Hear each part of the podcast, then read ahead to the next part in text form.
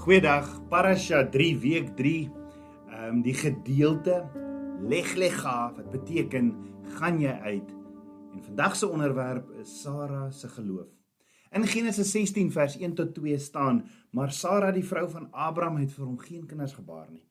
En sy het 'n Egiptiese slavin gehad met die naam van Hagar. En Sara het vir Abraham gesê: "Jy weet, Jahweh het my toe het my nie toegelaat om moeder te word nie. Gaan tog in by my slavin. Miskien sal ek uit haar gebou word." En Abraham het na Sara geluister.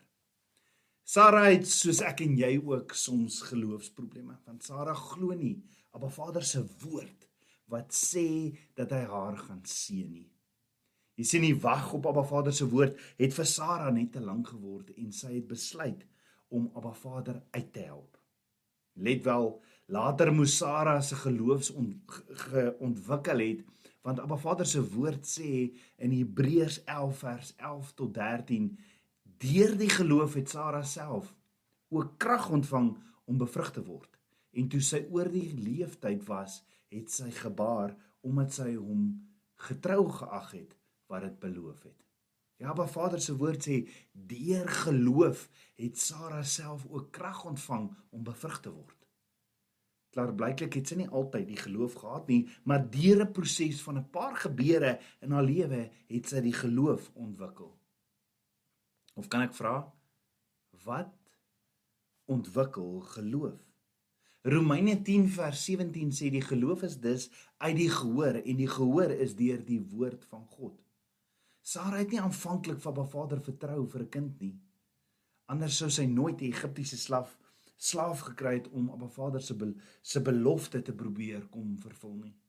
Sy het nie geglo dat Abba Vader haar kon kom seën nie, want sy sy het vasgekyk in haar eie omstandighede. En die vraag is tabernakelskind van Abba, in watter omstandighede kyk jy vas? Wat jou geloof laat skibreek lê? Jy sien, kyk jy vas in dinge van die wêreld, kweek dit vrees en dan stoei jy om op 'n Vader te vertrou. Die teenoor teenoorgestelde, hoe meer jy tyd in die woord spandeer, dit kweek geloof wat veroorsaak dat jy op Vader sal vertrou. Hoe meer tyd ek in Vader se woord spandeer, dit kweek geloof. Maar die vraag is, doen ons dit? Want sien in Psalm 1 vers 1 tot 3 staan: Welgeluksalig is die man wat nie wandel in die raad van die goddelose nie en nie staan op die weg van die sondaars en nie sit in die kring van die spotters nie, maar sy behaag is in die wet van Jahweh en hy oordink sy wet dag en nag. En hy sal wees soos 'n boom wat geplant is by waterstrome, want sy vrugte gee op sy tyd en waarvan die blare nie verwelk nie. En alles wat hy doen, alles wat hy doen, voer hy voorspoedigheid. Jy sien so baie keer praat Abba Vader ook met my en jou deur sy woord en dan sal ons dink maar dis amper onmoontlik dat dit vir my bedoel is. En dan gee ek die woord vir iemand anders wat ek dink die woord van Abba Vader voor is. Hoor gou-gou, hoe baie luister ons nie na 'n preek nie en dan en dan dink ons, "Sjoe, sy of hy moes dit nou gehoor het." Sy het so nodig om dit te hoor en dan is Abba Vader eintlik besig om met my en jou te praat. Is dit nie? Of soms het ons net eenvoudig klaar besluit Abba Vader kan niks aan my omstandighede doen nie, want dit is menslik onmoontlik. Dink gou-gou vandag hieroor. Wat het jy klaar besluit is vir Abba Vader onmoontlik in jou lewe? Is dit jou besigheid? Is dit jou huwelik? Is dit onmoontlik vir Abba Vader? Is jou kind se omstandighede onmoontlik vir Abba Vader? Het jy hierdie droom van Abba Vader gekry 'n paar jaar gelede gelede en nou voel dit net asof asof die droom net nooit gaan waar word nie en toe gee jy maar op om te wag. Is jou finansies onmoontlik vir Abba Vader? Want ja, my oupa het gesukkel, my pa het gesukkel en so het jy nou maar aanvaar dis hoe dit is. Dis nie wat Abba Vader se woord sê nie. Die vyand het jou kom mislei. Ja, Abba Vader se woord sê in Lukas 1 vers 37, want geen ding is vir is vir God onmoontlik nie. So hoekom beperk ek en jy vir Abba Vader? Dink jy regtig Abba Vader kan jou nie help in jou in jou storm waarin jy tans is of in die krisis waarin jy is nie. En dalk voel jy ook soos Sara vandag ek is al oud en nog steeds nie swanger nie.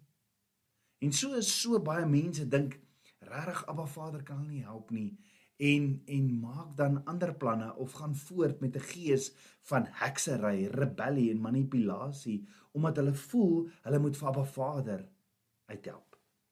Abba Vader se woord sê weens omstandighede het Sara die geloof gekry. Kan jy vir 'n oomblik dink hoe moes Sara regtig gevoel het toe Hagar swanger geword het en sy begin dra het en Hagar roep vir Abraham om te kom voel voel die baba? Ja, Abba Vader se woord sê in Genesis 16 vers 4, maar toe Hagar sien dat sy swanger was, het haar meesters meesteres Sara veragtelik in haar oë geword. Kan jy dink wat sy jaloesie het Sara oor haarself gebring weens beheer issues net omdat sy nie vir Abba Vader vertrou het nie? Jy sien Hagar het nou iets in gemeen met Abraham wat Sara nie gehad het nie. Hagar het Abraham se eerste seun en Abraham moes redelik breë bors geloop het oor sy seun, maar die vraag is wat van Sara? Hoe het Sara nou gevoel want nou is Sara veragtelik in Hagar se oë. Abba Vader maak nie leë beloftes nie. En al vertrou ons hom om hom nie, hy bly getrou. Hagar het haar kind Ismael omtrent 14 jaar gehad voor Sara uiteindelik swanger geword het. 14 in Hebreëus beteken spiritual perfection. Het Sara dalk in hierdie tyd geleer om dalk net op haar Vader te vertrou? Maar die probleem is as ons probeer dinge in eie hande vat en nie wag en Abba Vader vertrou nie, het dit gevolge in die toekoms. Want sien toe Sara swanger word en haar Isak word gebore, sê Abba Vader se woord in Genesis 21 vers 9 tot 12, toe sien Sara hoe die seun van Hagar, die Egiptiese slavin wat sy vir Abraham gebaar het, spot. En sy sê aan Abraham: "Jag hierdie slavinne en haar slaaf, uh, jag hierdie slavinne en haar seun weg, want die seun van hierdie slavin mag nie saam met my seun Isak erwe nie." En die woord was was verkeerd in die oë van Abraham van wie sy seun, maar God het aan Abraham gesê: "Laat dit nie verkeerd wees in die oë ter wille van die seun en van jou slavin nie." Luister na na Sara in alles wat sy van jou verlang want deur Isak sal daar vir jou 'n nageslag genoem word. Jy sien Abraham het gedink Sara was was ooreageer. Sara Sara was nou so bietjie verkeerd om Hagar en Ismael weg te stuur. Ek dink dit was tog mos Sara se plan. Maar Abba Vader sê toe self vir Abraham, laat dit nie verkeerd wees in jou oë ter wille van die seun en van jou slavin nie. Luister na Sara. Jy sien, hier is die dilemma. Want onthou Ismael is Abraham se seun, maak nie saak wat nie. Dit is dit is nou maklik vir vir Sara om te sê laat Hagar en Ismael gaan. Want Sara is nie verbind aan 'n sielsband nie. Abraham sit met 'n sielsband met met Hagar en met Ismael sy seun.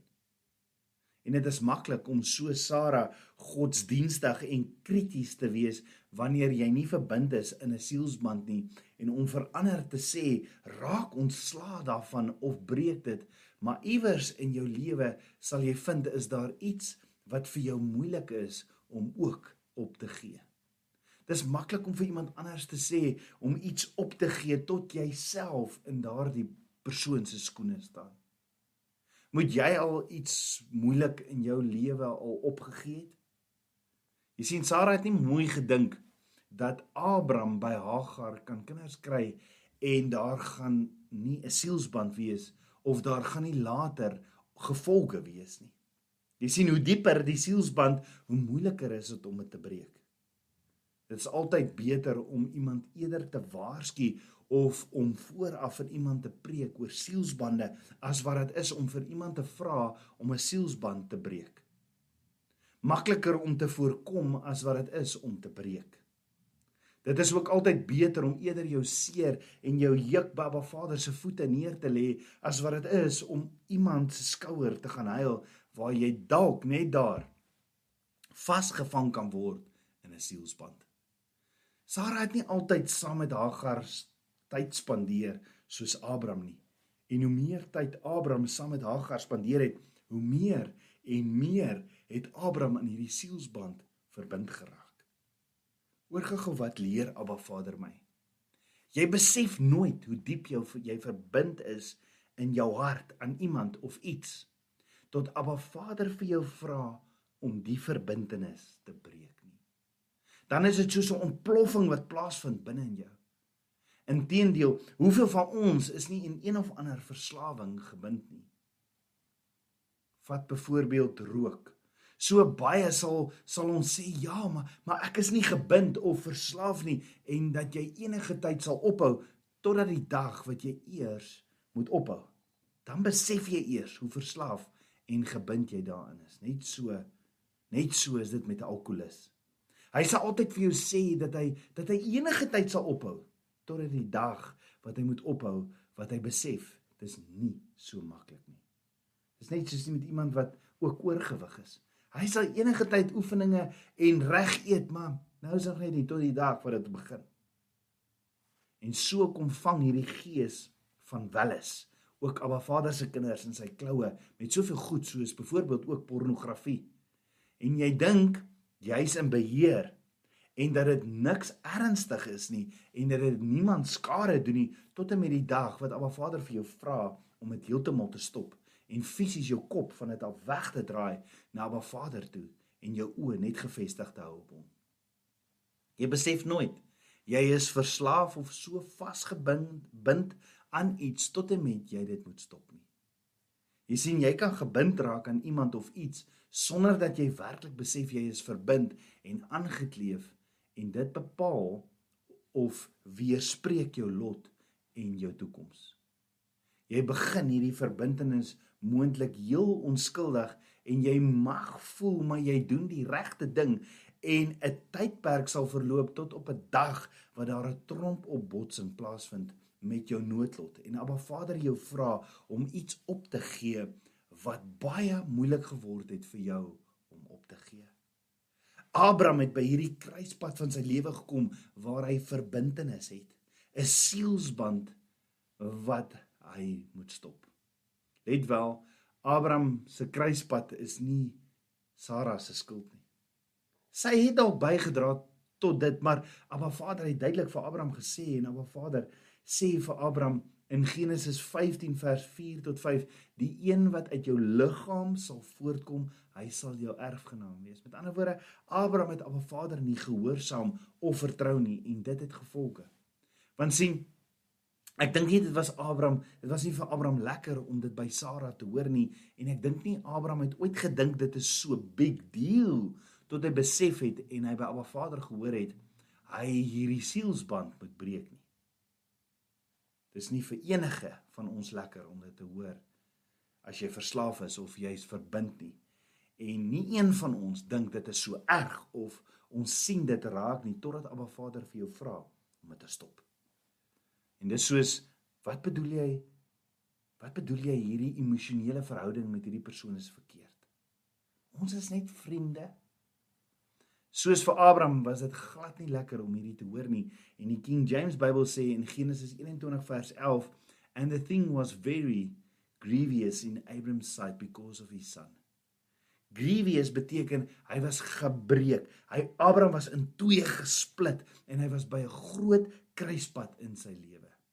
En die vraag is, en ek en jy, hoekom jy vandag vir Ruach HaKodes, die Heilige Gees vra om vir my en jou te wys waar het ons dalk in die lewe per ongeluk of dalk doelbewus in so sielsband betrokke geraak nie. Miskien deur 'n paar rampspoedige probleme wat in jou lewe gebeur het, het jy verbind geraak en nou, nou dat die probleem verby is, bevind jy jouself in 'n situasie waar jy in 'n sielsband is. Voel dit vandag vir jou? Ja, ek weet. Ek weet Heilige Gees het my gewys waar ek verbind is met iemand dalk by die werk of waar waar ook al en nou staan ek by hierdie kruispunt. Maar Vader, hoe nou? Onthou Ismael was Abraham se seun. Sal jy soos Abraham jou kop kan wegdraai van Ismael? Van die sielsband in jou lewe en jou oë rig net op Abba Vader en hom vertrou? Abba Vader roep my en jou. Hy roep my en jou om weg te draai. Hy roep my en jou na hierdie kruispunt toe vandag. Sal ek en jy wegdraai van daardie sielsband want onthou hierdie hart behoort aan Abba Vader. So die vraag is, wat gaan jy doen? Kom ons bid saam. Ons almagtige Vader, Papa God, skepper van hemel en aarde, Abba, ek loof en ek prys U. Vader, kom deur grond my hart, toets my en ken my gedagtes en kyk of daar by my 'n weg is van smart. En lei my op U weë. Was my met die waterbad van U woord en kom leef in my. U is die koning van my hart bid dit alles in Yeshua, Hamasiach se naam, die seun van Jahweh. Amen. Shalom. Goeiedag Tabernakelskind van Abba. As jy weekliks hierdie preke wil ontvang, gaan volg ons Facebookblad en ons YouTube kanaal en jy sal dit weekliks kry. Mag jy Shalom dag hê. Shalom.